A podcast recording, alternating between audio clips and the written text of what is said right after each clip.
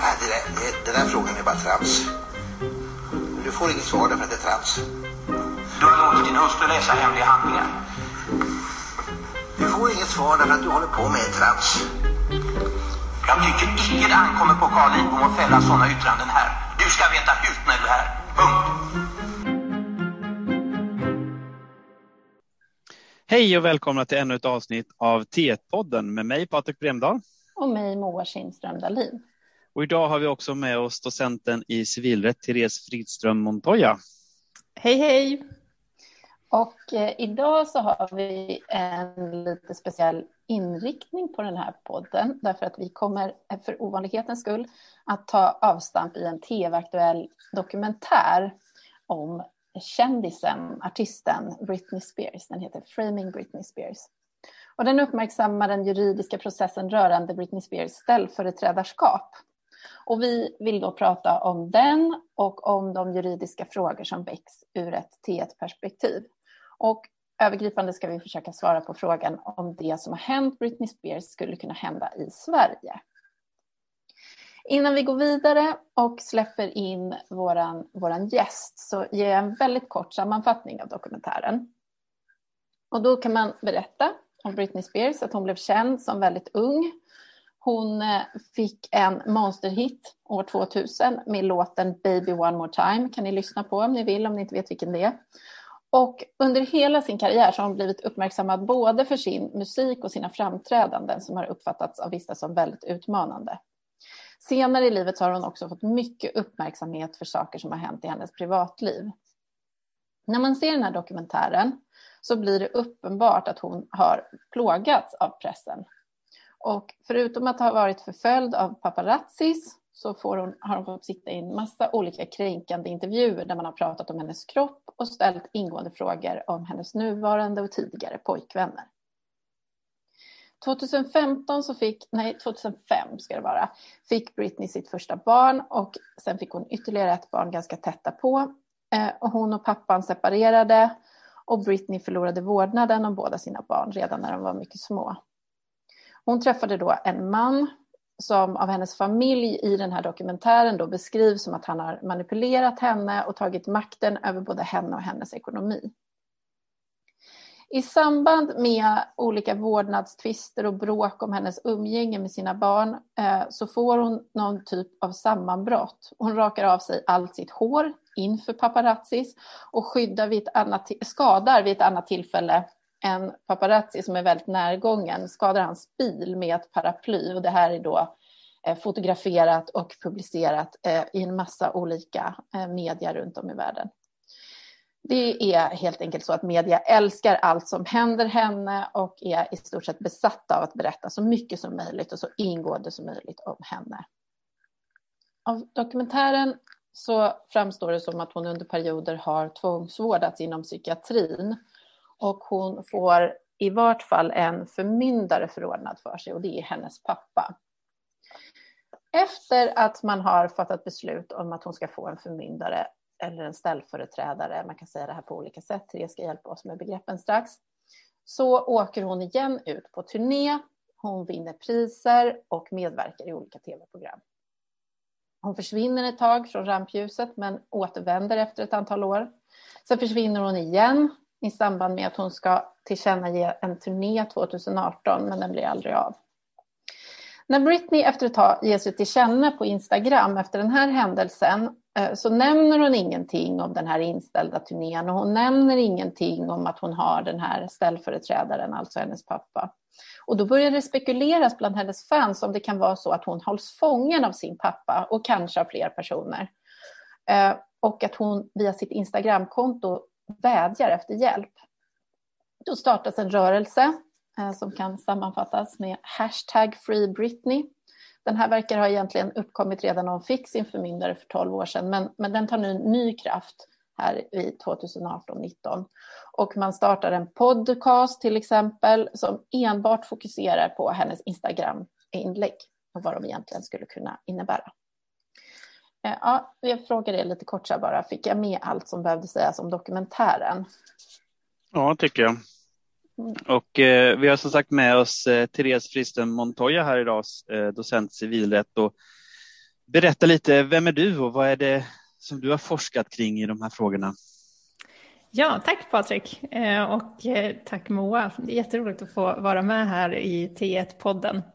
Ehm, jag är ehm, docent här i, eh, på juridiska fakulteten och biträdande rektor och har alltså en hel del forskning i min tjänst. Ehm, och jag sysslar med den här typen av frågor, fast i då svensk kontext framför allt.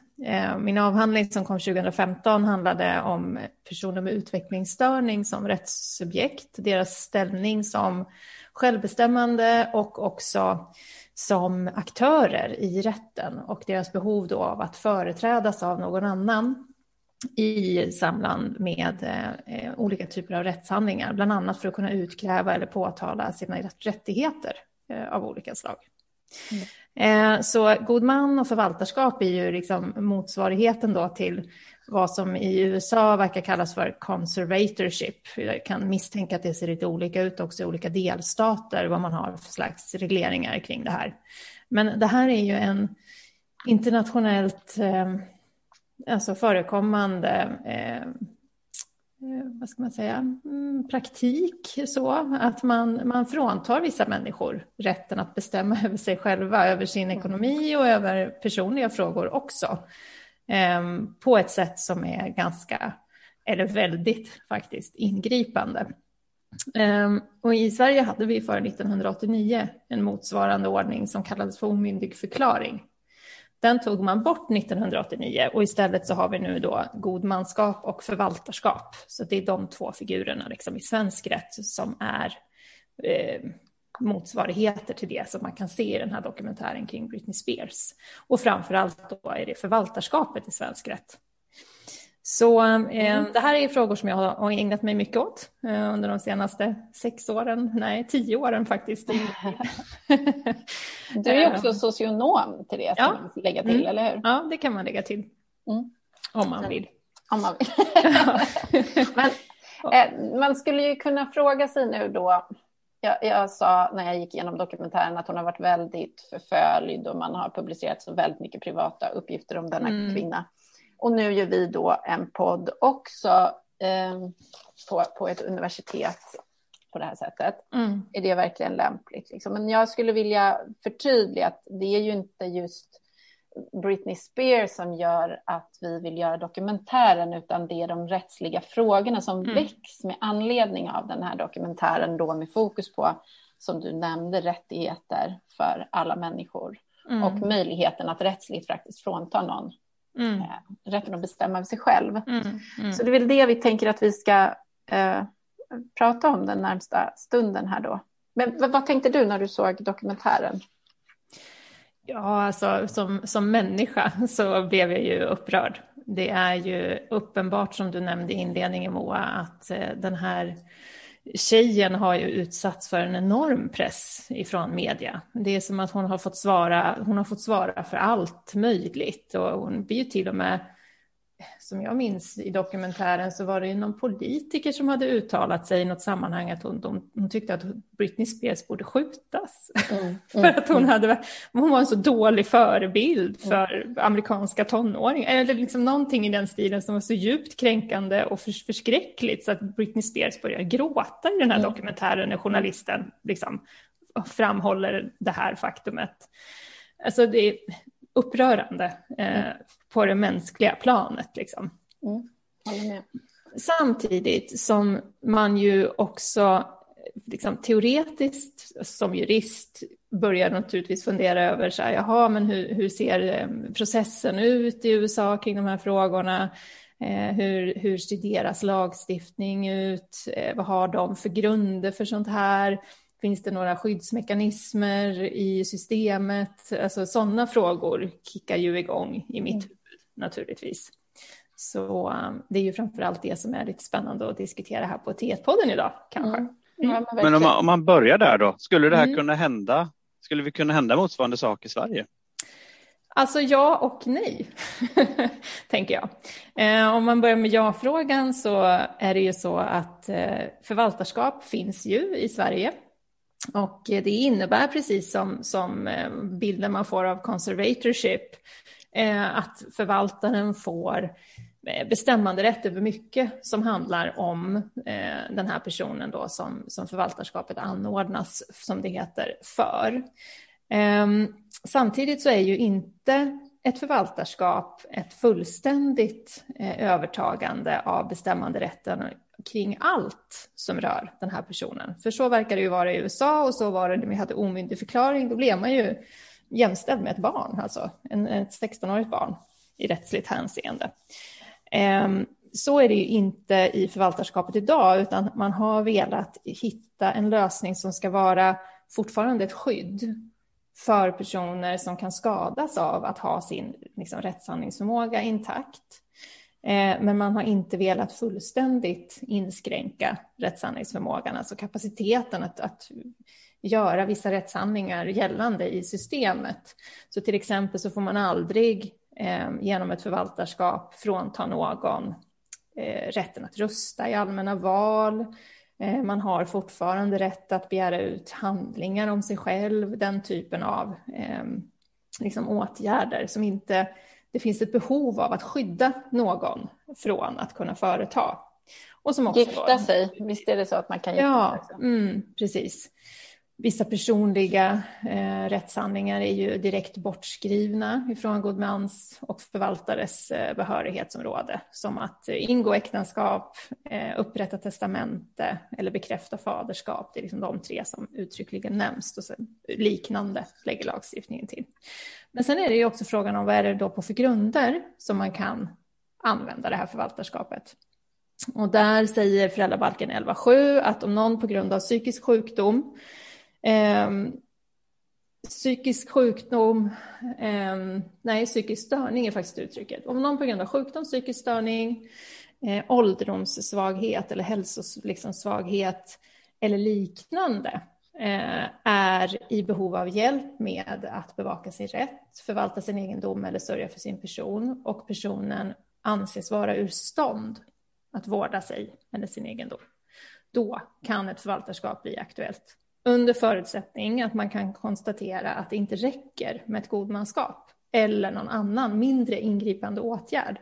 Man har en proportionalitetsprincip inskriven liksom, direkt i, i lagtexten här. Ska vi börja lite bara för, för de som inte har koll, så här, vad är det som skiljer då? God man, förmyndare, förvaltare, det är många mm. begrepp som flyger. Man bara liksom kort bara säger vad skiljer de åt så säger ja, men precis. behörighet. Eh, förmyndarskap numera finns ju bara för barn. Barn har vårdnadshavare och förmyndare. Eh, den som är vuxen kan aldrig få en förmyndare. Däremot så kan en vuxen person som alltså har fyllt 18 få en god man eller en förvaltare. Och skillnaden är att ett godmanskap inte innebär någon formell begränsning av den här personens rättshandlingsförmåga.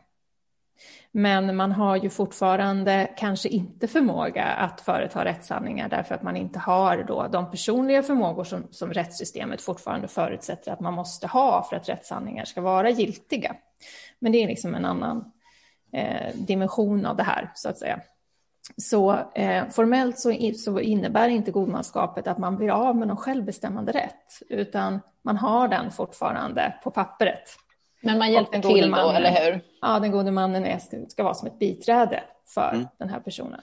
Medan förvaltarskapet, som är liksom en mycket mer ingripande eh, funktion, innebär att man formellt begränsar den här personens eh, eget, eh, egna möjligheter att företa rättshandlingar med giltig verkan. Så det eh, är att få... Ja, förlåt. Det ena handlar om att få, få hjälp och det andra handlar om att ersättas. om man ska vara krass. Om man ska alltså... vara krass, fast samtidigt så har de här två figurerna, de har ju också samma uppdragsbeskrivning. Alltså mm. man ska bevaka den enskildes rätt, man ska förvalta dennes egendom och sörja för dennes person. Så att Skillnaden ligger liksom i skyddsaspekten för förvaltarskapet. Att man vill liksom kunna hindra att människor eh, förstör för sig själva, antingen på grund av egna idéer eller mm. därför att det finns kanske en utnyttjande omgivning. Mm.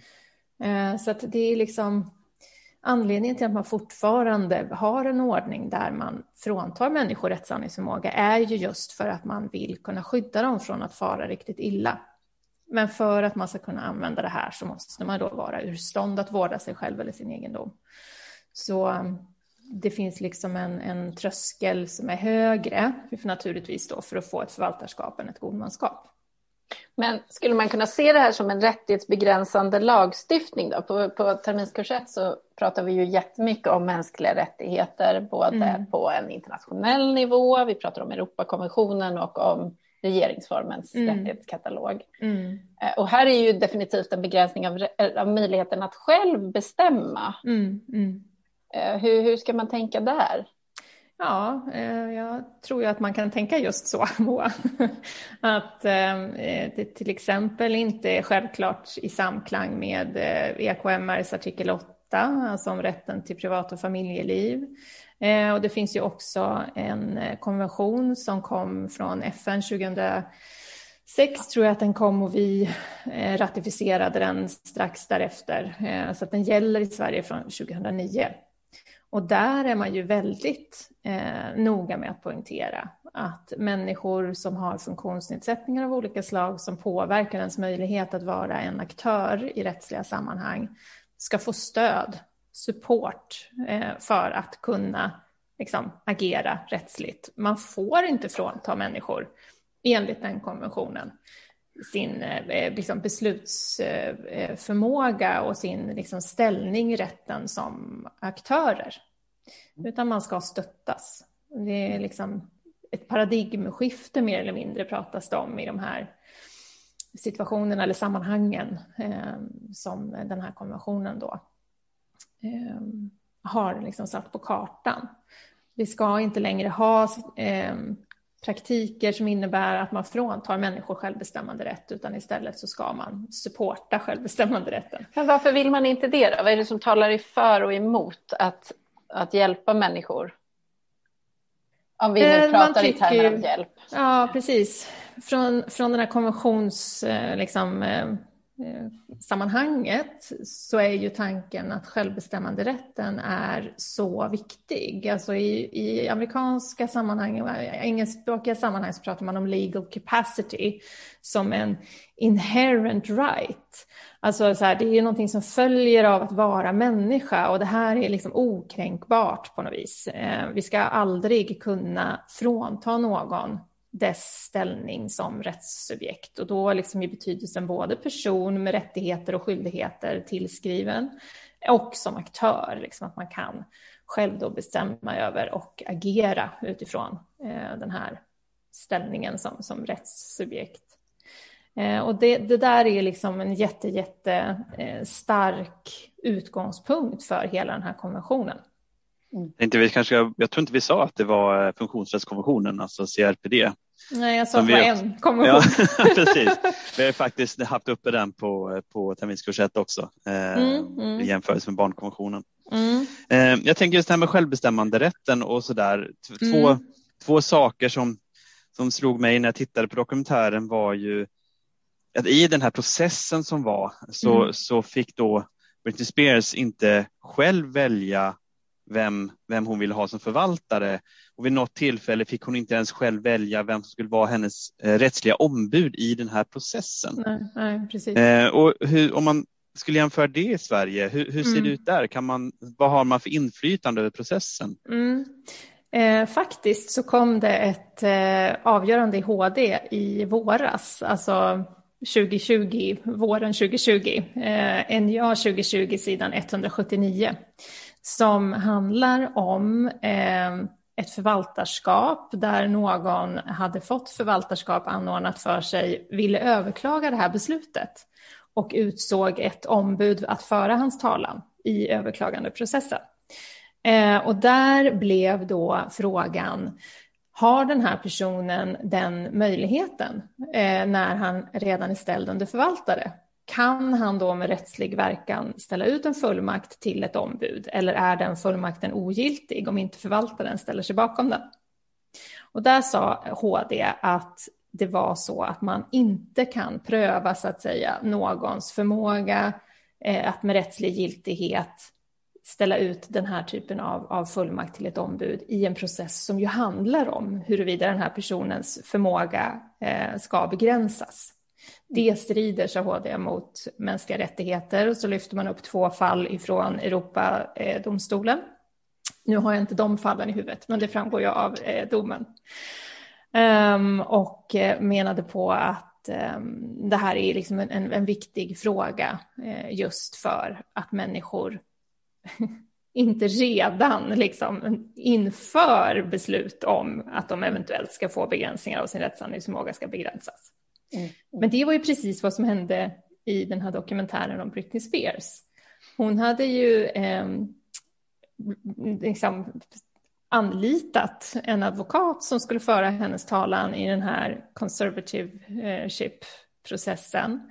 Han blev avvisad, enligt egna ord i den här dokumentären, från domstolen med hänvisning till att det fanns medicinska dokument som tydde på att Britney inte hade förmåga att förstå eh, vad hon gjorde när hon gav honom fullmakt, så han fick inte företräda henne.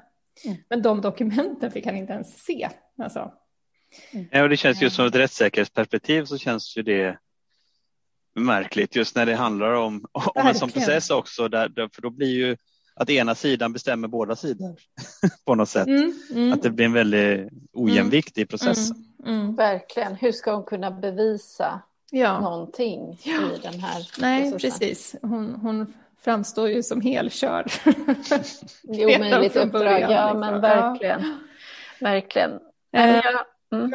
Och det var den ena frågan. Eh, för Patrik, du ställde ju två frågor, om jag får fortsätta bara. På ja, gärna. Mm. Ja, för den andra frågan var ju också det här med att välja sin ställföreträdare då. Om man får en förvaltare, har man någon inflytande över om vem det ska vara? Eh, och där gjorde man en ändring i svensk lag, föräldrabalken eh, 1112, för fem år sedan kanske, eller någonting sånt. Så förr fick man, hade man liksom inte någon säg. nu så sägs det i den här paragrafen att om man föreslår en viss person så ska den förordnas om den är lämplig och vill ha uppdraget. Och den här mm. lämplighetsprövningen utgår ifrån krav i lagtexten om att man ska vara rättrådig, erfaren och i övrigt lämplig. Så det kan ju innebära då att även om man har ett eget förslag som är, känns jätteviktigt för en så kanske man inte får den personen i alla fall därför att den uppfyller inte de här andra eh, liksom lagstadgade kraven på rättrådighet, erfarenhet och lämplighet i övrigt. Och där gör ju då överförmyndarna som är de som har tillsyn och hanterar de här ärendena. Det är domstol som beslutar att man ska få god man eller förvaltare men sen är det överförmyndaren i kommunen som eh, hanterar ärendena. Eh, och de gör ju också en sån lämplighetsprövning. Bland annat så kollar man brottsregister och ehm, eh, skulder och sådana saker. Mm. Jättebra. Du, för att sammanfatta lite, vi mm. frågade i början, kan det hända i Sverige? Då sa du ja och nej. Mm. Eh, kan vi bara jättekort knyta ihop vad vi sa där? Ja, ja. det finns ändå förvaltare som kan ta mm. över ganska mycket, men mm. inte allt. Så det amerikanska systemet ger Eh, ska vi kalla det förvaltare nu som samlingsbegrepp eller hur ska vi mm. göra? Ja, det kan vi göra. Ge förvaltaren mer långtgående befogenheter mm. att bestämma. Mm. mm. Till exempel om vård och mm. omsorg, eller hur? Som det inte finns någon tydlig reglering i Sverige av vad, nej, vad förvaltaren nej. egentligen får göra.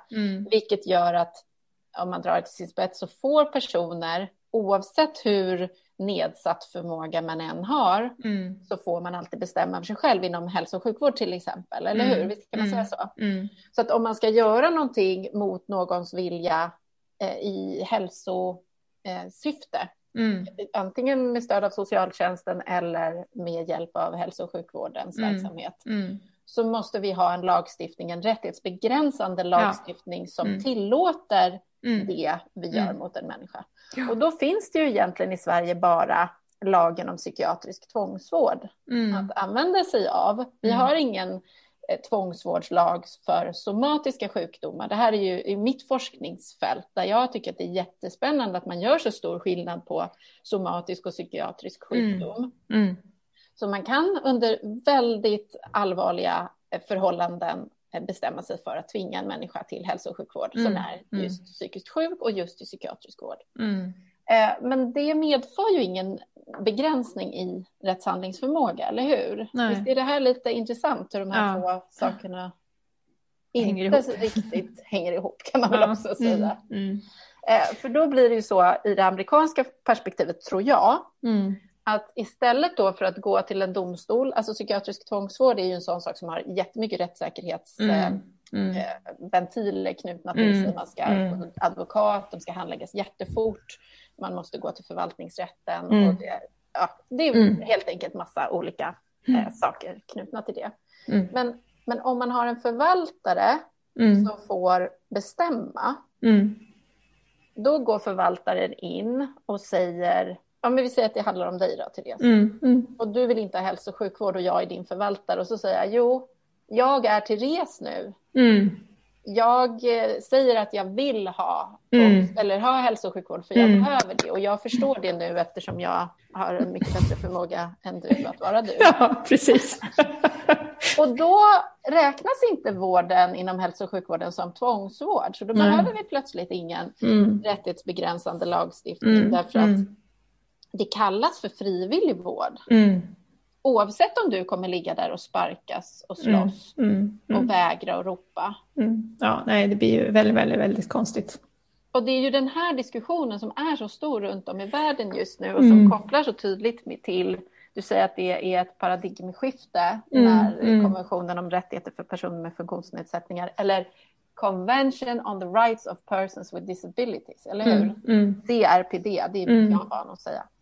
Eh, men så ditt och mitt forskningsområde är så otroligt näraliggande. Vad mm. gör man med människor mm. där vi, nu pratar inte jag om Britney Spears, utan nu säger jag generellt, mm. om vi tillsammans kan enas om att en människa inte har en, en god kognitiv förmåga. Vi mm. kanske ska börja prata om äldre mm. människor eller mm. något sånt som inte är riktigt lika, lika starka känslor. Men en person som inte alls ser konsekvenserna av sina handlanden och, och inte, inte fattar några bra beslut om sig själv. Mm, man kanske mm. inte sköter sin hygien, man kanske springer ut i gatan, man kanske gör massor med farliga saker. Mm. Hur ska vi tänka kring det? Ja. Vad ska vi göra från samhällets sida? Det är ju inte så lätt. Ja. Nej, nej, det är jättesvårt och, och, väldigt beklämmande många gånger ju att stå vid sidan av och se människor eh, fara illa på olika sätt. Men det är ju precis som du säger Moa, vi har ju inte tvångsvårdslagstiftningar i annat än tre fall. Eh, dels psykiatrisk tvångsvård, vi har missbruksvård med tvång och vi har barn och ungdomsvård med tvång. Det är ju liksom de vi har att spela med. Eh, och alla de här andra fallen då? Tyvärr så vet jag ju att i praktiken i Sverige förekommer att det finns de som tror att eh, har man en förvaltare så kan man liksom tvinga människor till alla möjliga saker. Därför att förvaltaren ju tar över så mycket av självbestämmande rätt kring vissa frågor, så som till exempel så har ju förvaltaren eh, möjlighet att säga upp någons hyresbostad att eh, ansöka i den här personens namn om att få en vårdbostadsvariant liksom, inom socialtjänsten. Och he helt plötsligt så sitter den där personen i en, en vårdform som den egentligen inte vill ha och som den själv har sagt nej till. Eh, och så tycker alla att ja, men det här är väl okej. Okay. Mm. Not so sure, faktiskt. Mm. um, så, även om, om det är svårt att peka på att man formellt, eller så här, alla gör ju eh, oftast sådana här saker därför att de vill gott. Men det finns ju en anledning till att vi har tvångsvårdslagstiftningar, vi har rättigheter, vi har begränsningar i när vi får använda de här tvångsvårdslagstiftningarna som baseras på ställningstaganden i grunden om människors rätt till självbestämmande, rätt att få faktiskt säga nej, rätt att få eh, besluta om saker som vi kanske inte tycker är klokt, men som liksom ligger i att, att få vara människa. Mm, mm. Det här är en jättesvår diskussion. Ja, men det är ju det, för det kommer ja. tillbaka till hela mänskliga rättigheter-paradigmet mm, som mm. har principer om lika behandling och icke-diskriminering. Det är mm. utgångspunkten och alla ska mm. behandlas lika och det är det som mm. gör att vi har den eh, rättsliga situationen som vi har, den liksom principställningstagandet. Mm. Men Du nämnde vid något tillfälle innan att rättssystemet ibland utgår ifrån att människor har vissa förmågor. Mm.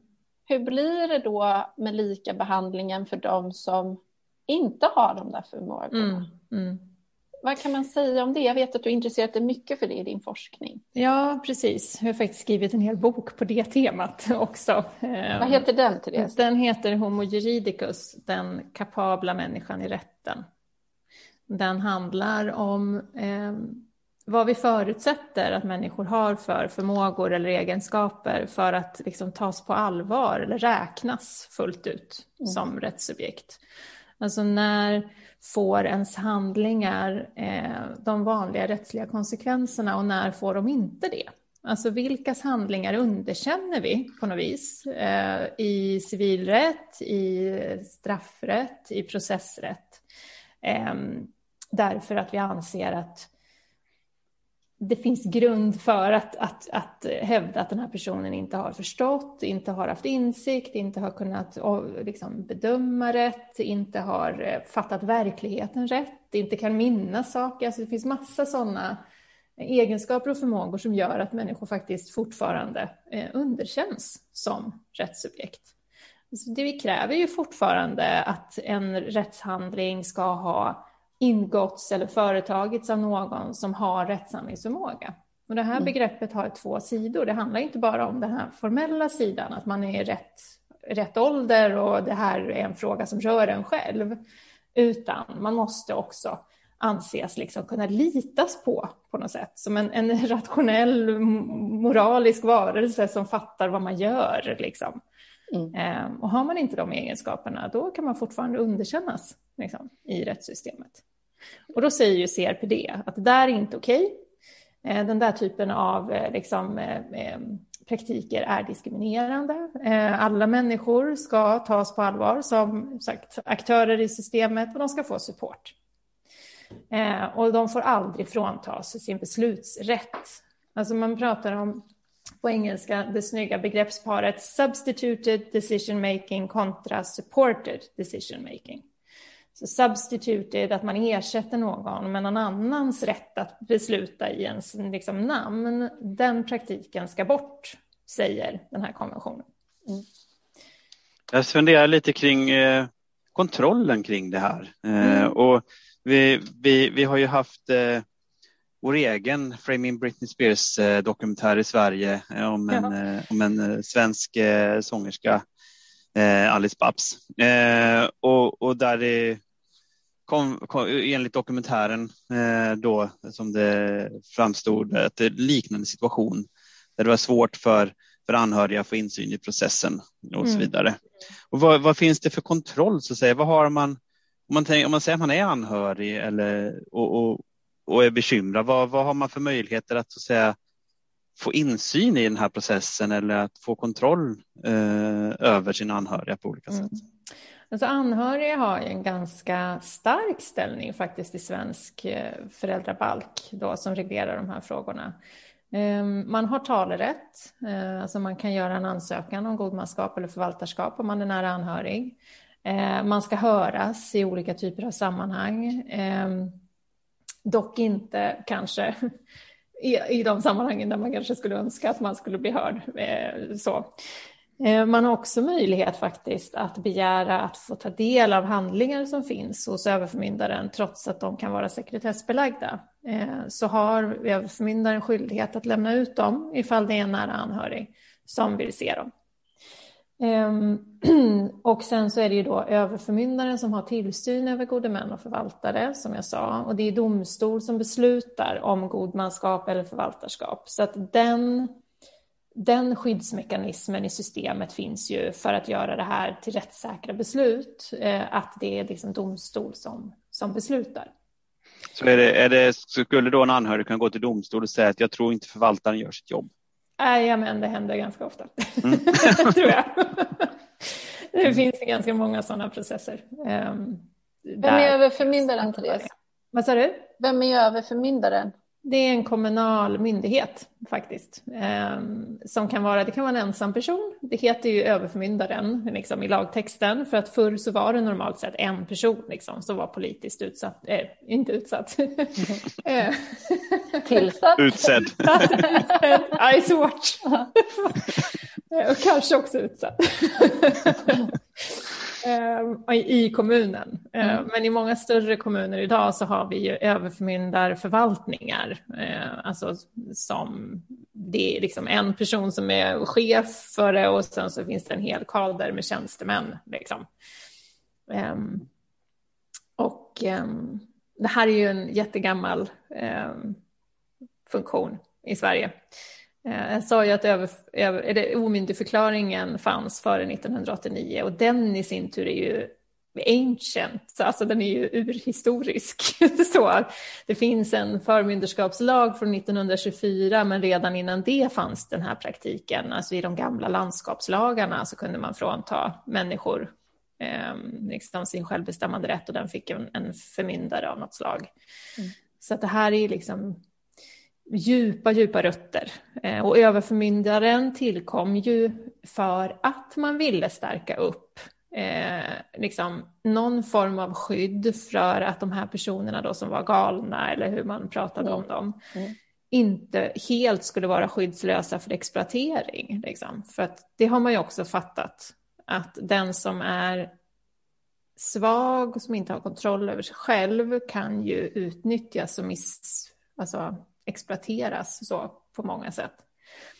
Så därför så, så har ju överförmyndaren varit en, en roll som liksom har stärkts upp under årens lopp. Um, för att försöka undvika just. Mm. Det här är ju jättespännande. Nu fick jag en, en tanke som vi har bollat lite innan jag och Patrik och det är ju faktiskt det här med, med utsatthet och sårbarhet och vad vi, vad vi tänker om det. Mm. Eh, skulle man kunna tänka sig att det finns någon liksom, genusaspekt på hur vi bedömer vem som ska skyddas och inte. Mm. I Britney-fallet började man ju definitivt att fundera på det när man presenterade den här pojkvännen som dök upp i hennes liv. Mm.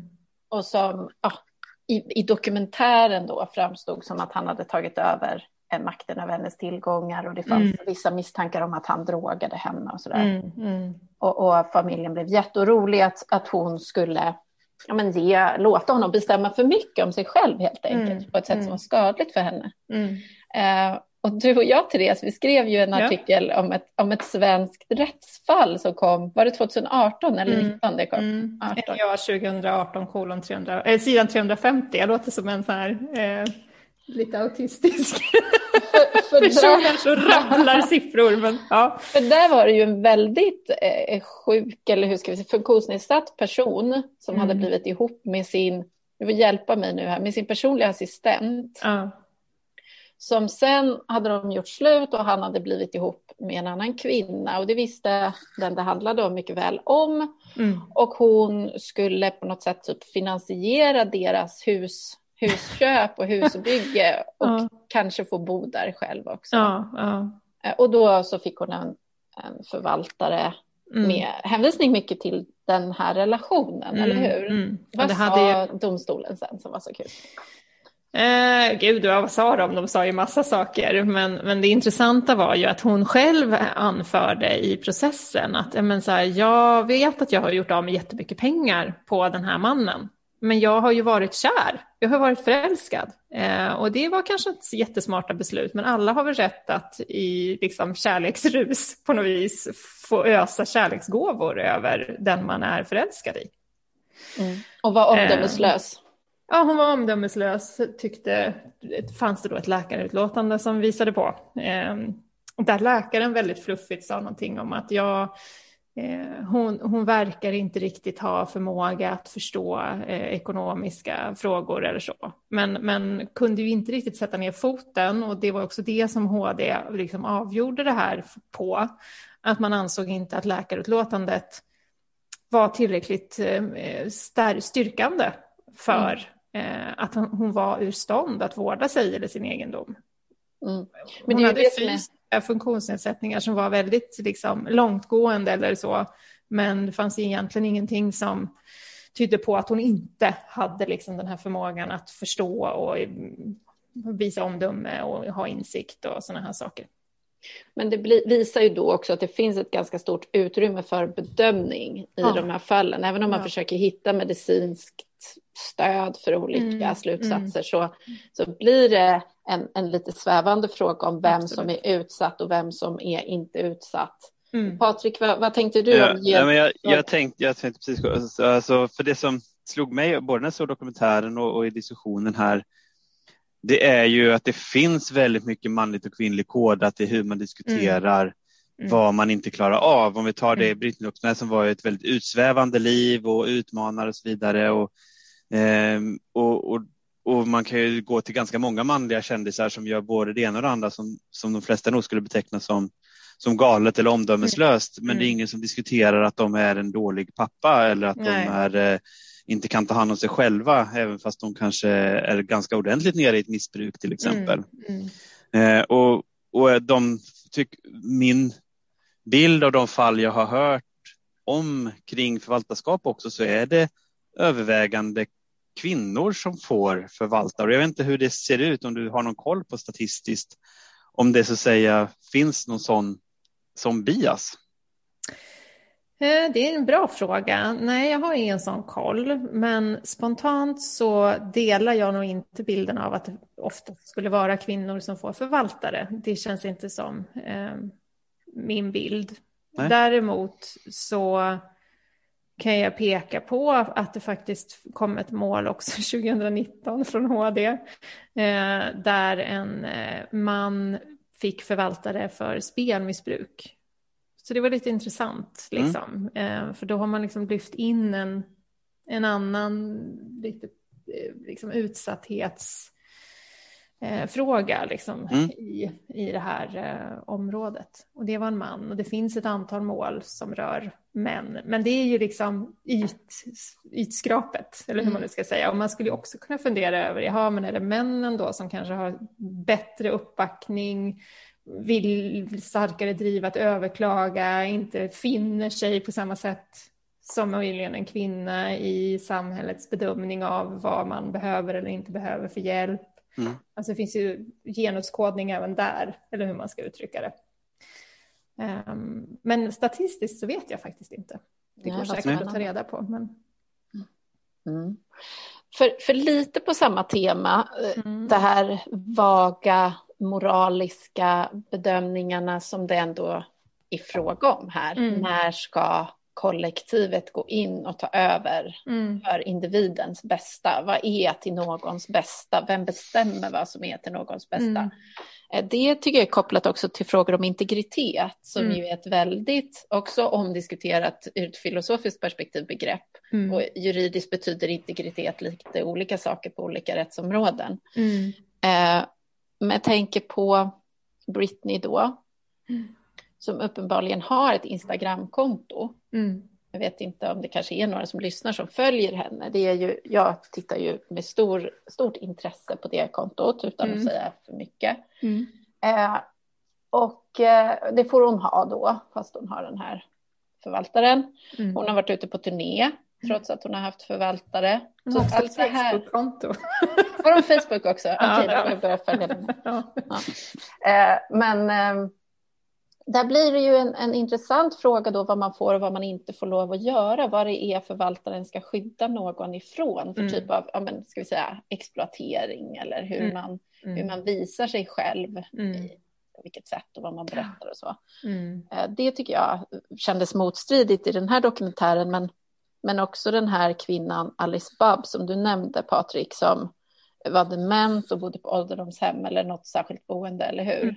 Mm. Och så försökte man skydda hennes integritet för att hon var en, en väldigt känd person när hon var ung. Man tänkte sig att det fanns ett allmänintresse och att saker och ting kunde spridas om henne, inte sant?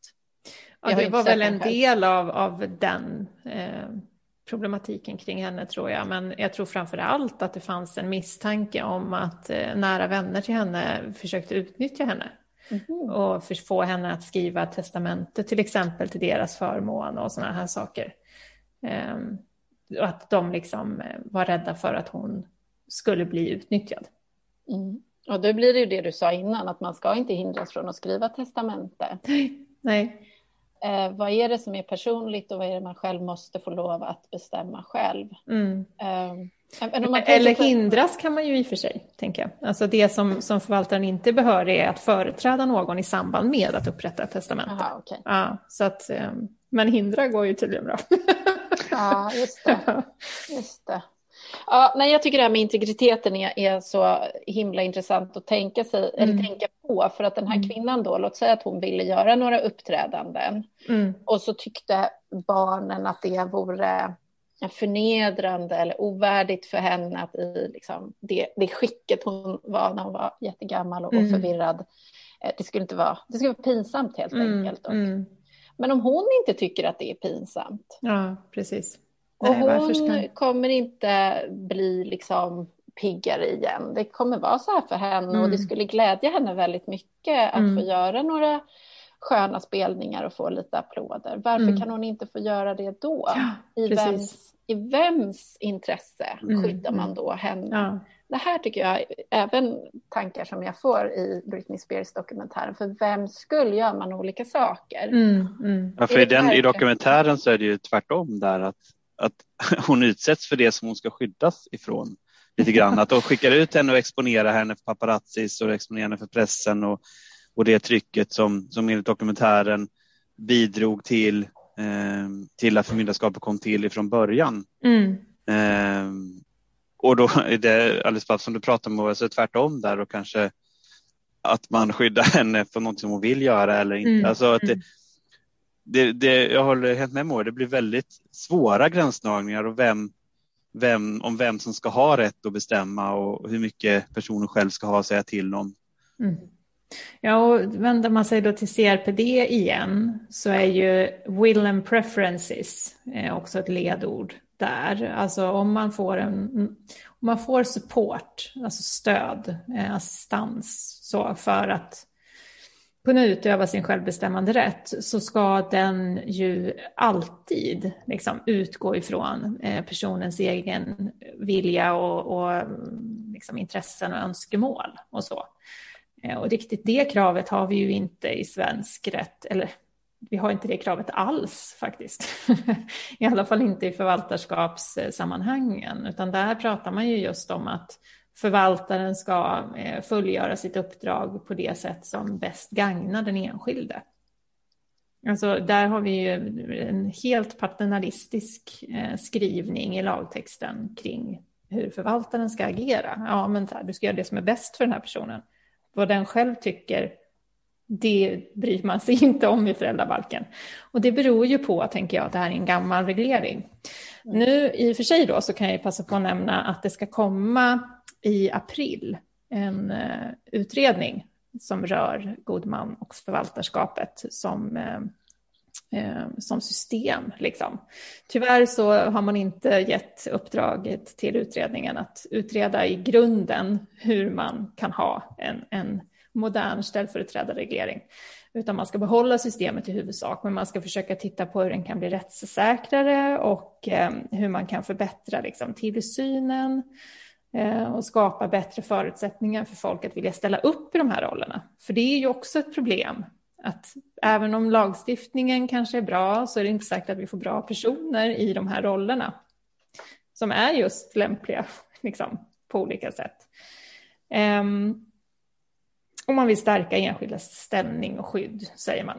Så att det ska bli väldigt spännande att se vad den här utredningen ja. landar i. Särskilt som Riksrevisionen tre gånger med några års mellanrum har svårt kritiserat det här systemet för att vara just rättsosäkert.